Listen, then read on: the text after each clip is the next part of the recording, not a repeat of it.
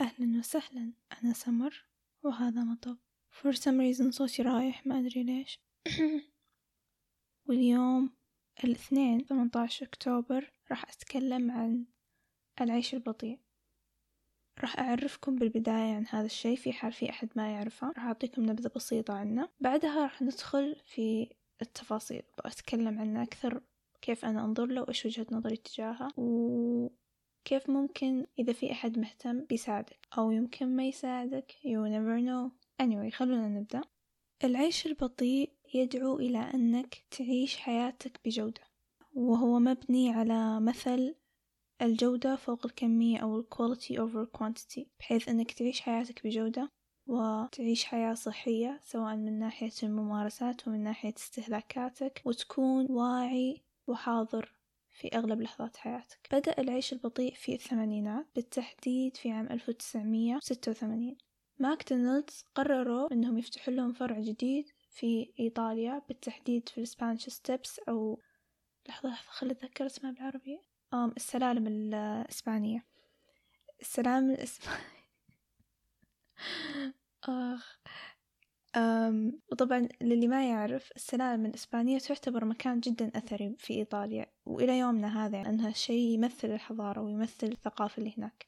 فوقتها لما قرروا ماكدونالدز يفتحون مطعم هناك طلع عدد من الناشطين كان معهم واحد اسمه كارلو بتريني وبدأوا مظاهرات ضد هذه الخطوة.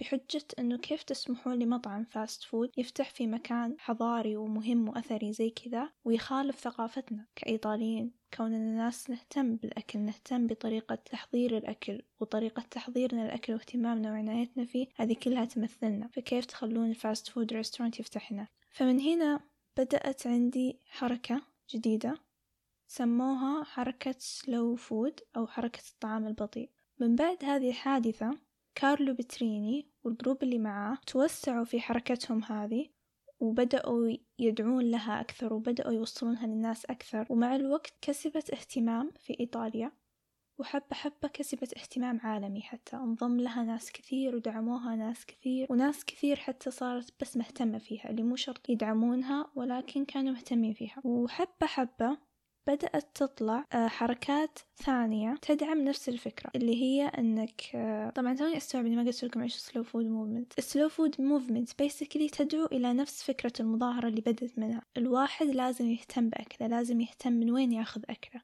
وحتى طريقة استهلاكك أنت للطعام لازم تكون ذو جودة لازم تقعد تتلذذ بكل لقمة وتعيش تجربة حرفيا. فهذا اللي تدعو له فكرة slow food movement إنه الواحد يهتم بأكله وبطريقة أكله ومع الوقت طلعت لي حركات ثانية تتبنى نفس الفكرة إنه تسوي الشي بجودة. في منها مثلا أشياء إحنا نعرفها already زي slow fashion كيف إنه تشتري ملابسك من أماكن تهتم بالأقمشة تهتم بتصنيعها تهتم بالعمال نفسهم اللي يشتغلون على هذه الأشياء. وفي بعد مثلا slow travel slow travel مثلا إنه الشخص إذا جاي يسافر يهتم إنه يتعرف على أهل البلد وياخذ ويعطي معهم ويقعد معهم فترة. فعموما يعني طلعت حركات كثيرة تدعو إلى نفس الفكرة هذه إنك تسوي أمور حياتك وتمارس حياتك بجودة. إلى ما حبة حبة تكون عندي الشيء اللي اليوم راح أتكلم عنه اللي هو العيش البطيء أو slow living. ف slow living وهو أساسه بدأ كحركة حالة حال الأشياء الثانية اللي قبله. وتبنى كل الأفكار الماضية اللي اندرجت تحت slow food movement بأنه الواحد يهتم بطريقة عيشه يهتم بممارساته ويهتم باستهلاكه. حقين العيش البطيء هم ناس حالي حالك عادي لكنهم يطمحون إلى أنهم يعيشون حياة أفضل وحياة متوازنة. وبذلك هم يدعون إلى أن الواحد يعيش حياته ببطء. وكلمة بطء هنا ما يعني فيها أنك تمشي زي السلحفاة لا ولكن يقصدون تاخذ الأمور بهداوة أكثر تكون واعي وفاهم اللي إيش اللي قاعد يصير حولك وإيش اللي أنت قاعد تعيشه وتهتم بجودة حياتك. بقول كلمة جودة مرة كثير اليوم فتحملوني. وأهل هذه الحركة يحاربون أفكار كثيرة منها أي شيء يدعم ال hustle culture أو ثقافة الاندفاع. صراحة ما أدري كيف ترجمتها بالعربي بس أتوقع شيء زي كذا. كنا نعرف ال hustle culture آه هم يحاربون الأفكار اللي تدخل فيها إنه كيف إن الواحد لازم يكرف على خشمة وبعدين يطلع فلوس كثيرة وهنا يعني إنك ناجح. هذه الأشياء مو بالضرورة تكون فعلا سبب لنجاح الشخص. فأصحاب العيش البطيء يشوفون إن طريقة التفكير هذه وطريقة آه عيش الحياة هذه toxic ومو بالضرورة تكون صحية لنا ومو بالضرورة تعطينا فعلا النجاح. المعنوي اللي إحنا نحتاجه. ممكن تعطينا النجاح المادي إيوه نكون مرة أغنياء بس مو بالضرورة تعطينا النجاح المعنوي. وأيضا حركة العيش البطيء تحارب الناس هذولا اللي مهووسين بالإنجاز بال productivity ويا إلهي إدارة الوقت وأصير أنا المسؤول في حياتي واللي أتحكم بكل ثانية ودقيقة في يومي. وهم مرة ضد فكرة إنه شفتوا هذولا اللي طلعوا أيام ال quarantine وكذا اللي مسوين فيها ما تعلمت ثلاث لغات في شهرين؟ أجل إيش سويت؟ في هذا الوقت الفارغ من حياتك. هذول العينات العيش البطيء يحاربهم ويرى بأنه طريقة التفكير هذه غير منطقية وأنها غلط. وأيضا هم يدعون إلى أن الواحد ينتبه لفكرة أو مشكلة ال instant gratification أو الإشباع الفوري اللي إحنا قاعدين نعيشها في هذا العصر. طبعا على أيامهم ما كان العالم يعاني من مشكلة الإشباع الفوري زي ما نعاني منها الحين في هذا القرن. أول ما كان أساسا عندهم التطور الهائل في التكنولوجيا هذا ما كان في حتى إنترنت. وإحنا كنا نعرف إنه الإشباع الفوري بدأ وما صرنا نعاني منه إلا من الإنترنت. من بعد ما صرنا نتعرض بشكل واسع صرنا دائما نبحث عن الحل الأسرع. الحل الأسهل اللي بيعطينا النتيجة فورية ومو تاخذ منا وقت وجهد كثير. فأيضا يعني مؤخرا صار يدعو إلى هذا الشيء يدعو إلى أن الواحد ينتبه ويصحى على مشكلة الإشباع الفوري ويحاول أنه يقاومها ويحاربها. فعموما أتوقع وصلتكم الصورة أنه إيش اللي يقف ضده العيش البطيء؟ طيب إيش اللي يدعو له؟ وإيش المجالات اللي تهم أو يهتم بها العيش البطيء. طبعا العيش البطيء يقصد أنك أنت تعيش حياتك بشكل عام بما يعني أنه هو بيغطي كل مجالات حياتك. أن أنت تتبنى هذه الحركة أو قد تكون هذه الفكرة وتطبقها في كل مجالات حياتك بحيث أنه نفس ما قلت قبل تعيش حياة صحية من ناحية إيش تاكل من ناحية إيش تستهلك تعيش بوعي. وأيضا تعيش بأنك تهتم بالجودة في حياتك. وإيش تنتج يكون ذو جودة ما يهم كم يكون وما يهم بأي سرعة بتخلصه وبتنجزه. فهو يغطي جميع مجالات الحياة. وعاد كل واحد يشوف إيش مجالات حياته الأهم فبالتالي يرتب أولوياته على ذلك. لأنه العيش البطيء عموما جاء أعطاك هذه الفكرة قال لك طبقها في حياتك. وأنت راجع لك كيف بتطبقها وين بتطبقها وين بتهتم إنك تطبقها وين بتقلل اهتمامك في إنك تطبقها. أطبقها أطبقها أطبقها. آه في كتاب قرأته لكارل أونري. كارل أونري. آه اسمه صعب. كتاب كارل أونري في عام 2005 طلع In Praise of Slowness أو في مديح البطء. كارل هو صحفي وكندي إذا ما خاب ظني. كتب هذا الكتاب من باب أنه هو تعرف على فكرة العيش البطيء وهو كان من الناس اللي هو سماهم جماعة أو طائفة السرعة Cult of Speed. فأملا في أنه يرجع التوازن لحياته قرر أنه يتعرف أكثر ويبحث أكثر في موضوع العيش البطيء وفي نفس الوقت يكتب كتابة اللي هو of Slowness كرحلة بحث يشاركها مع الناس وكيف ممكن أن هذا الشيء يساعده أو ما يساعده في حياته. الكتاب حلو قرأته يعني أنا سويت الهوم ورك عنكم آه مو بسيء يعني كونه كتاب يصنف كتطوير ذات أو self improvement ما يعتبر سيء. أنا بالعادة مرة ما أحب الكتب هذه وأشوفها ما تسوي ما تودي ولا تجيب أي مكان. بس هذا الكتاب حلو مش بطال لأنه أول شيء جاي من صحفي مو جاي من كاتب يبي يسوي فيها على رأس ال guru و... وفعلا هو يعتبر كأنه رحلة بحث لأنه الكتاب مليان أرقام مليان تواريخ مليان interviews مع ناس يدعمون هذه الحركة ومنها ومن أهلها. والكتاب مقسم على عدة chapters كل chapter يتكلم فيه عن وين ممكن يكون العيش البطيء. مثلا في chapter كان يتكلم عن العقل والتفكير في chapter كان يتكلم عن الأكل في chapter كان يتكلم عن المدن نفسها كيف ممكن تعيش عيش بطيء. الكتاب حلو مو سيء. للي مهتم يقراه بقول اقراه اللي مو مهتم يقراه عادي ما فاتك شيء. وله بعد كارل نفسه له TED Talk تكلم فيه عن إيش نظرته للعيش البطيء وكأنه أعطاني نبذة عن كتابه. فحسيته كويس. بحط عموما أنا أغلب الأشياء في ال show notes للي يبي يشوفها. شوفوا ال TED Talk أحسه يكفي ويوفي بيعطيكم نبذة عن إيش كارل أونري وإيش نظرة الموضوع هذا. عموما كتاب كارل أونري طلع في 2005 من بعده كأنه جاني أحد أعطاني كذا وثائق رسمية ومسجلة ومكتوبة وثابتة لشيء كانوا الناس غالبا بس يتكلمون عنه. فهنا بدأ يشتهر أكثر بالذات في أمريكا. بدأوا يسمعون كلمة أو مصطلح العيش البطيء بشكل أكثر من قبل. صار متعارف عليه سواء تدعمه أو ما تدعمه بشكل عام راح تعرف عنه.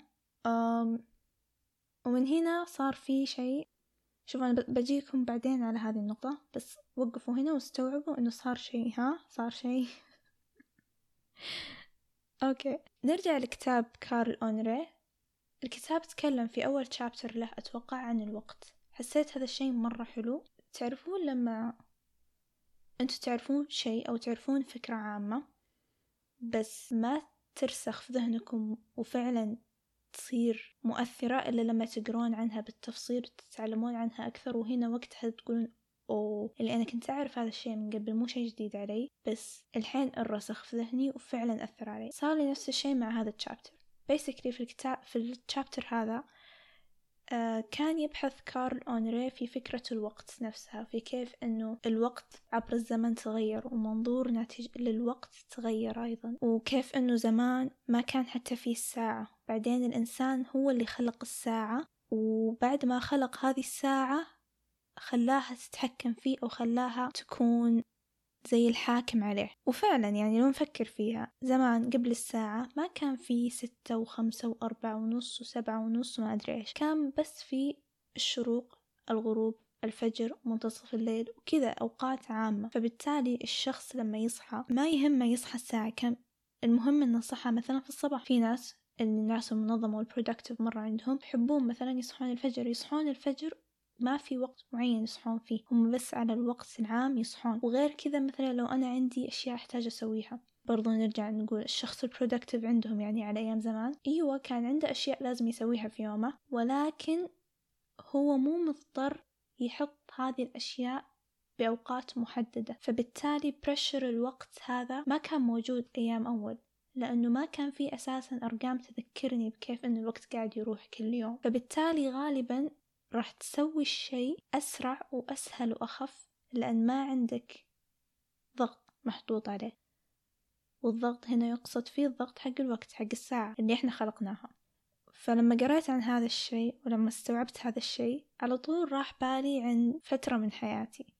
يمكن تقريبا قبل سنتين كذا اللي كنت في الجامعة وتخصصت وصارت حياتي مرة مشغولة يا إلهي. وللي سامع حلقة بدون التزام بيعرف إني بعد كنت أشتغل. فكذا اللي كانت حياتي مشغولة مرة. فأتذكر أني تعرفت خلال ذيك الفترة على فكرة ال calendar blocking. وللي ما يعرف إيش ال calendar blocking هو زي نفس فكرة إنه خلينا نقول مثلا جوجل calendar شايفين كيف الساعات مقسمة فيه. أصير أحدد مثلا من الساعة كذا إلى الساعة كذا هنا عندي شغلة. من الساعة كذا إلى الساعة كذا هنا في شيء. من الساعة كذا إلى الساعة كذا.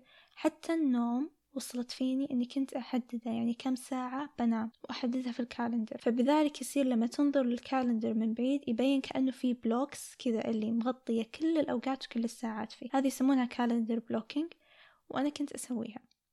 بهدف إنه إيش؟ أصير أنا مسيطرة على وقتي والوقت ما يسيطرني. تعرفون اللي أقطع قبل ما يقطعني آخ فهذه الحركة ساعدتني بس يمكن أول كم أسبوع.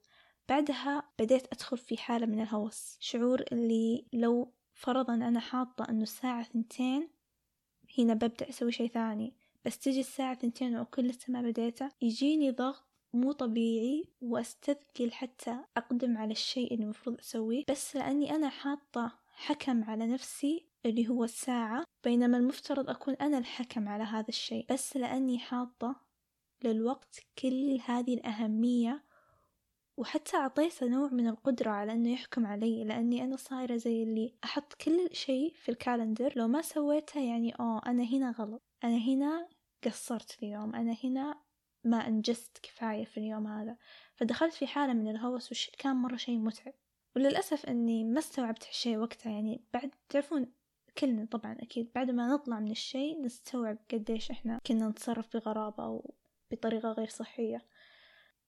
فللأسف وقتها فعلا أنا كأني أعطيت الصلاحية للساعة هذه اللي في جوالي بأنها تكون هي الحكم علي. وبفعلتي هذه أنا أضفت على نفسي pressure زيادة غير كل الأمور في حياتي اللي قاعد تضيف عليه pressure مو مهم دائما أن الواحد يحرص على كل ساعة في يومه علشان يعتبر إنسان منجز أو منظم. وعاد أنا استمريت في هذه الحالة لفترة يعني يمكن قعدت سنتين إلى ما خلاص حبة حبة تدريجيا بديت أستوعب إنها غير صحية لي وإن حرفيا ما قاعد تفيدني كثر ما إنها تضرني فوقفت. يعني والحين أحس إني إنسانة منجزة أكثر ومرتاحة أكثر بس لأني وقفت أعطي الوقت هذا القدر من الأهمية. وصايرة بالعكس نفس أيام زمان عرفتوا؟ نفس مثال الشخص ال productive اللي أيام زمان أنا صايرة أسويه الحين. صايرة okay أحط لنفسي أشياء أبي أسويها خلال هذا اليوم وأحرص إني أسويها خلال فترة معينة من يومي أنا أشوفها تناسبني للشغل. وغالبا يعني بشكل كبير أنجز فعلا. وأخلص الأشياء اللي لازم أسويها لأني شلت عن نفسي بريشر الوقت هذا. عادي مرات في أشياء ما أكون ما أقدر أسويها مثلا خلال ساعات عملي اللي أنا محددتها لنفسي وأتركها آخر الليل ما أقدر أنام أقوم أسويها. أنا ما أقول لكم إن هذا الشيء كويس لا تسهرون عشان تخلصون أشغالكم بس أنا أقصد إنه في أريحية والأريحية هذه مرات تكون نقطة قوة لنا أكثر من أنها نقطة ضعف. فعادي لا نحس بالذنب لأننا والله مو من الناس اللي من الساعة كذا إلى الساعة كذا أنا محددة لنفسي وقت وما أشتغل إلا فيه. بعدين خلاص أيوة حلو الترتيب هذا حلو التنظيم هذا ولكن حلو أيضا نتذكر أنه الساعة هذه تشتغل لنا إحنا مو إحنا نشتغل عندها مو إحنا اللي نعطيها كل هذه الأمور اللي لازم نسويها. فبالتالي لو ما سويناها نبدأ نلوم نفسنا ونحس إن حنا فينا شي غلط لأننا مو قاعدين ننظم وقتنا كفاية. واضح إني اشتطيت مرة في هذا الموضوع. بس جد حزنت على نفسي مرة لما قريت هذا التشابتر وتذكرت هذيك الفترة من حياتي. فحسيت الحمد لله إني صحيت على نفسي لأنه فعلا مرة ما كانت فترة حلوة. ويمكن في أحد عايش هالشي وفاهم اللي أنا أقصده. فيا عموما كارل أونريه يقول لنا أن الوقت والساعة بالتحديد إحنا اللي خلقناها. إحنا اللي بدأنا الفكرة هذه فكرة أننا نحط ساعات. فبالتالي لازم نتذكر هذا الشيء ونستوعب أنه إحنا فوق الساعة مو الساعة اللي فوقنا مو الوقت هو اللي أهم منا لا إحنا أهم منا لأنه لو مو أنا يا الآدمي موجود كان هذه الساعة مو موجودة. فهذه من الأمور اللي مو شرط أحد يعلمني إيش أسوي وإيش ما أسوي في حياتي مجرد استيعابي لها وفعلا استيعابي لها. هنا خلاص يجي نوع من الارتياح نوع من الاتزان يدخل لحياتي لأني صحيت على حقيقة كنت غافلة عنها. ننتقل لأهم الجوانب اللي يتكلم عنها العيش البطيء وحسيتها فعلا فادتني. يعني زي ما قلت لكم من قبل العيش البطيء هو يتكلم عن حياتك بشكل عام. هو يغطي جميع الجوانب حرفيا من طريقة تفكيرك إلى طريقة أكلك وممارساتك. بس في أشياء معينة فعلا فادتني. فادتني بمجرد معرفتي لها أكثر مما أنه كيف طبقتها في حياتي. بمجرد ما عرفتها أحس إني استفدت. فخلونا يا بتكلم لكم عن أهم الجوانب هذه. يهتم العيش البطيء بفكرك ونظرتك للحياة عموما. وفي منها نفس ما قلت لكم من قبل إنه الوقت. أنت مجرد نظرتك للوقت هذه تأثر وتفرق. أنت لما تنظر للوقت على أنه ذاك الشيء الهائل العظيم اللي لازم تطارد وراه وتحاربه هذا بحد ذاته غلط. وهذا راح يدخلك في معمعة السرعة هذه اللي بتأثر عليك. At some point بتأثر عليك. وفي بعد نظرتك لأمور الحياة عموما. كيف أنت تنظر لشغلك؟ كيف تنظر لعلاقاتك؟ كيف تنظر لنفسك وصحتك؟ وإيش هي طريقة تفكيرك تجاه كل هذه الأمور في حياتك؟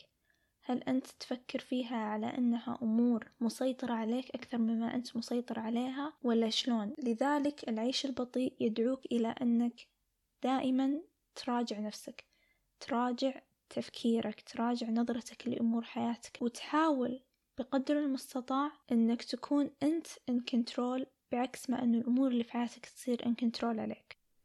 وأيضا بعد الجانب الثاني يدخل في شغلك وإبداعك. ومن بعد ما بدأت تنتشر حركة العيش البطيء في مدن كثيرة تبنت هذا الشيء بأنها تقلل من ساعات العمل. كان الهدف من ذلك أنها تخلق التوازن في حياة الموظف نفسه بحيث أنه يكون عنده وقت كافي لحياته الشخصية ورفاهيته وعنده وقت كافي للشغل. وفعلا في دراسات أثبتت بأنه هذا الشيء مع الوقت نتج عنه معدل أعلى في الإنتاجية ومستوى الإبداع زاد بكثير عن قبل. ليش؟ لأنه الموظف صار يقدر يعطي في شغله ويخلص ولسه يحصل نفسه وقت ورفاهيته. فهذا الشي خلق عنده توازن. في بعد طبيب نفساني بريطاني اسمه جاي كلاكستون تكلم في أحد كتبه عن لافي حبيبي. لو سمعتوا صوت في ال background هذا لافي قاعد يشاخر آه عموما نرجع لجاي كلاكستون تكلم في أحد كتبه عن مجالين للتفكير أو طريقتين للتفكير. آه التفكير السريع والتفكير البطيء. ويقول بأنه التفكير السريع هي طريقة تفكير متعقلة وتحليلية وخطية واللي غالبا يصير لما نكون تحت ضغط سواء في دراستنا سواء في شغلنا. في هذه كلها نستخدم التفكير السريع. وعندي أيضا في المقابل التفكير البطيء والتفكير البطيء هذا يكون حسي أو حدسي وإبداعي. طريقة التفكير البطيء هذه هي اللي ندخل فيها لما تنتهي فترة الضغط. وقتها يصير لأفكارنا الحرية في أنها تكبر وتنبني على راحتها.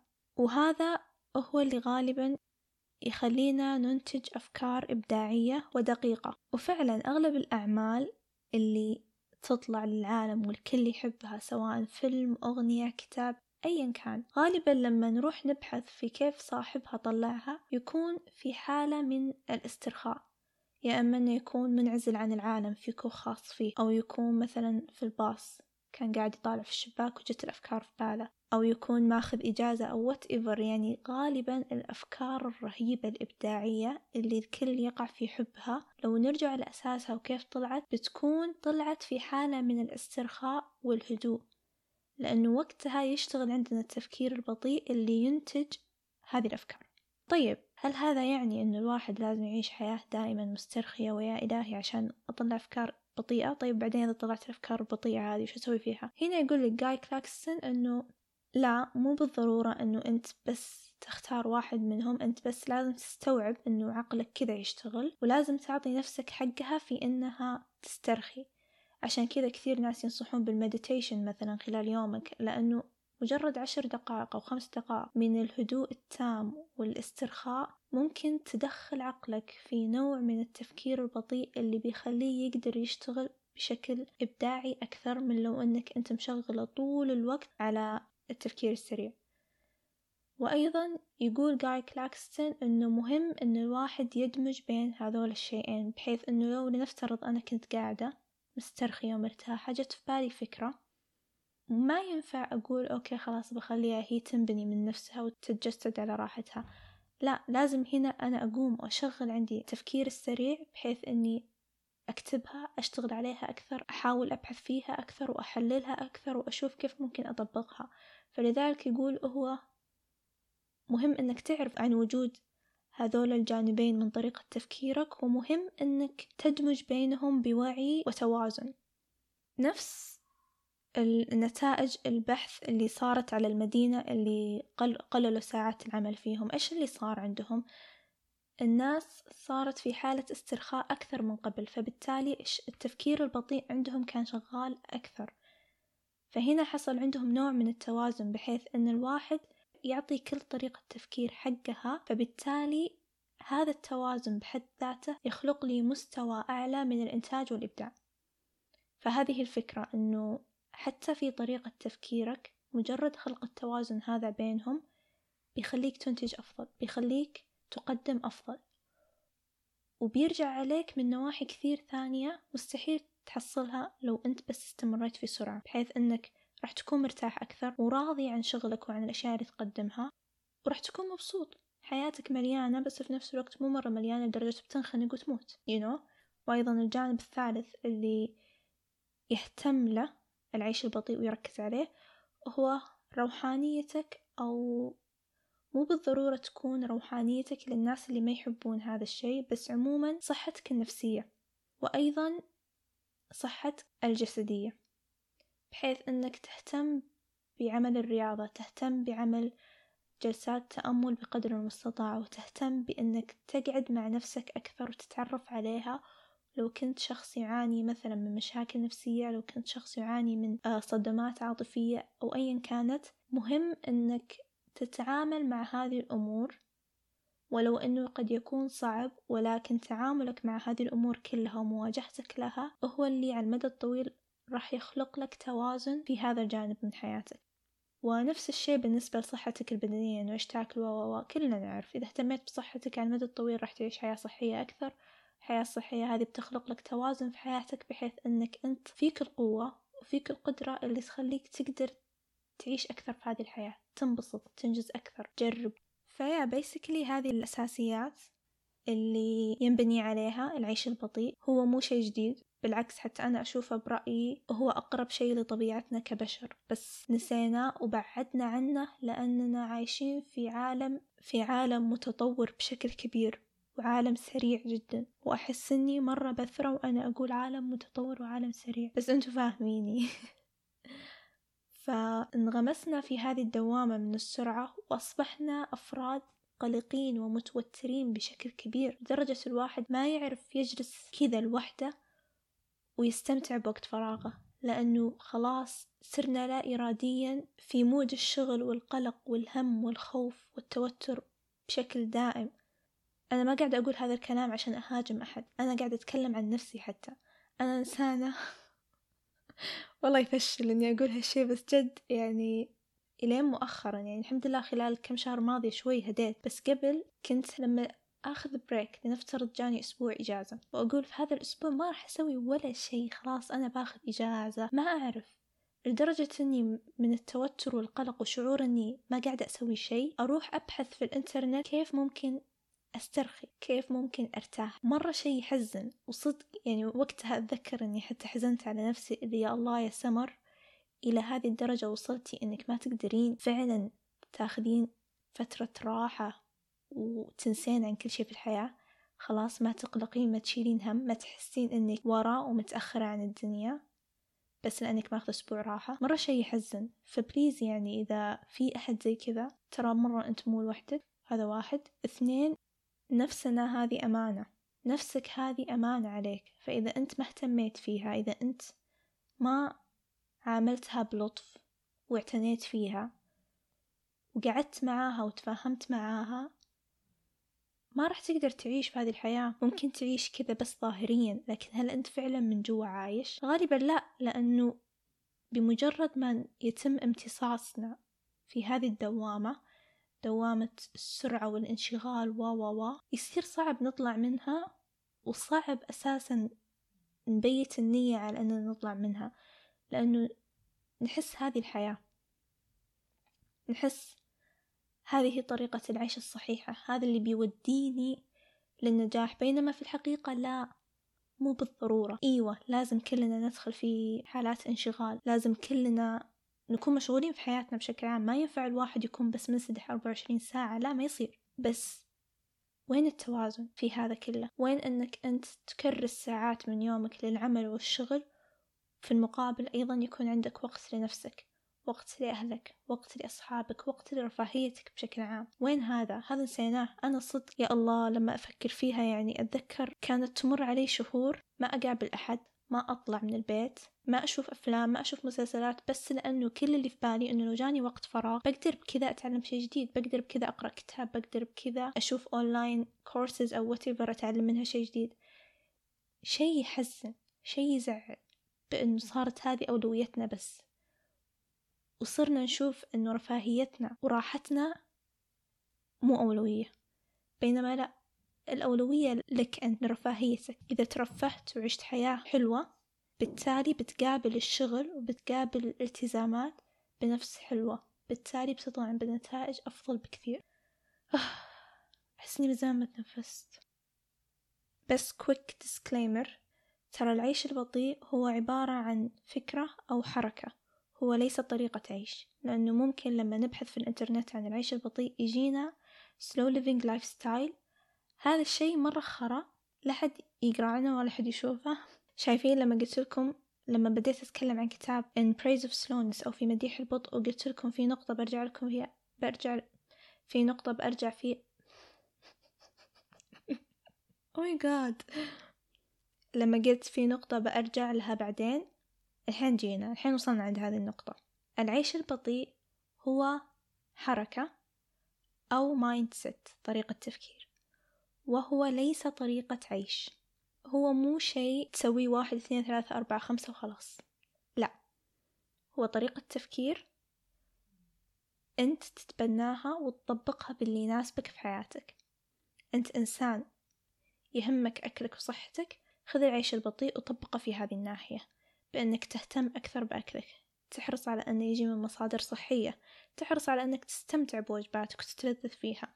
أنت إنسان يهمك شغلك وإبداعك وهذا المجال في حياتك خذ العيش البطيء وطبقه في هذا الشيء. احرص على أنك تحقق التوازن فيه. احرص على أنك زي ما تعطي وقت كافي للشغل والكرف أعطي وقت كافي لرفاهيتك وراحتك. علشان بالتوازن هذا أنت بتقدر بعدين ترجع تعطي أحسن وأحسن. وهكذا. لما تبحثون في الإنترنت بتحصلون كثير أشياء تتكلم عن إنه slow living lifestyle. هذا مرة لا هذا مرة غلط هذا مرة toxic وحرفيا هذه طريقة عيش تكاد أن تكون مستحيلة للوصول لها لأنه ما حد مستعد يترك جواله في هذا الزمن. كنا نحتاج جوالاتنا ما حد مستعد يفصل النت ولو حتى لدقيقة في يومه لأن كل شيء في بيتنا شغال على الإنترنت أصلا. ففي مبالغات في العيش البطيء لما يؤخذ كطريقة عيش. ولأنه أساسا مو هذا أساسه هو أساسه حركة وطريقة تفكير مو طريقة عيش. ف please بس يعني قلت بقول لكم عن هالشيء. إذا جيتوا تبحثون ابحثوا في مصادر رسمية وفعلا من أهل هذه ال movement. مو في الناس اللي قروا عنها من الكتاب حق كارل أونوريه. بعدين راحوا يكتبون عنها في blog posts أو يتكلمون عنها يمكن في اليوتيوب أو whatever وبالغوا فيها. بس حطوا هالشي في بالكم. العيش البطيء مو طريقة عيش. هو تفكير وحركة. تدعو إلى أنك تكون واعي في حياتك وتركز على الجودة فيها. في شيء قاله كارلو بتريني عن العيش البطيء أحسه أكثر شيء صح والشيء الوحيد اللي ممكن يوصف فكرة العيش البطيء. يقول كارلو بتريني إنه الهدف من العيش البطيء مو إنك تعيش حياة بطيئة أو إنك تعيش حياة متأخرة ومتخلفة عن التطور اللي قاعد يصير في الحياة هذه لا. الهدف هو إنك تعيش حياتك وتنبسط فيها وتنجز فيها ولكن بإيقاعك الخاص تعيش هذه الحياة بإيقاعك الخاص. تسرع متى ما يناسبك وتبطأ متى ما يناسبك. ما تسرع لأن اللي حولك كلهم مسرعين وأنت ما فيك طاقة. تسوي الأمور في حياتك بإيقاعك الخاص لأنه هذه حياتك. ومن أبسط حقوقها عليك أنك تحترمها تفهمها تشوف إيش الإيقاع اللي يناسبها وتمشي عليه. أوكي كذا نكون خلصنا الحلقة هذه وصلت إلى ختامها. أتمنى أني نجحت في إيصال اللي عندي. قررت أشارك هذا الشيء هنا بس بهدف نفس ما قلت في وسط الحلقة هذه. مرات بمجرد معرفتنا للشيء ووعينا فيه في أمور جوة عقولنا وطريقة تفكيرنا بتتغير تلقائيا. وهذا التغيير البسيط اللي مع الوقت بنحمد ربنا عليه. فهذا هو الهدف الأساسي من مشاركتي لهذه الحلقة. أنا ما أقول لكم فكروا بالضبط مثلي أو ما أقول لكم تبنوا كل شيء أنا متبنيته حتى حرصت بقدر المستطاع أني ما أقول لكم أنا كيف بآخذ هذا الشيء وبطبقه في حياتي لأنه أنا مؤمنة أنه هذه من الأمور اللي كل واحد بيختلف عن الثاني فيها وكلنا متفردين في طريقة تعاملنا معها وطريقة استقبالنا وطريقة تطبيقنا لها. فعشان كذا حرصت بقدر المستطاع أني أعطيكم اللي عندي وما أعلمكم بالضبط إيش تسوون وإيش ما تسوون لأنه أعيد وأكرر. هذا أمر راجع لكم أنتو وتقدرون تتبنونه وتقدرون تطبقونه على آه، إيقاعكم الخاص في حياتكم الخاصة وبحسب ترتيب أولوياتكم. ويا شكرا لكم. شكرا لحسن استماعكم وألقاكم لاحقا. شوف قلت ألقاكم مو أراكم لأني استوعبت أني أنا ما أراكم هنا أنا ألقاكم هنا. ف يلا باي ألقاكم لاحقا.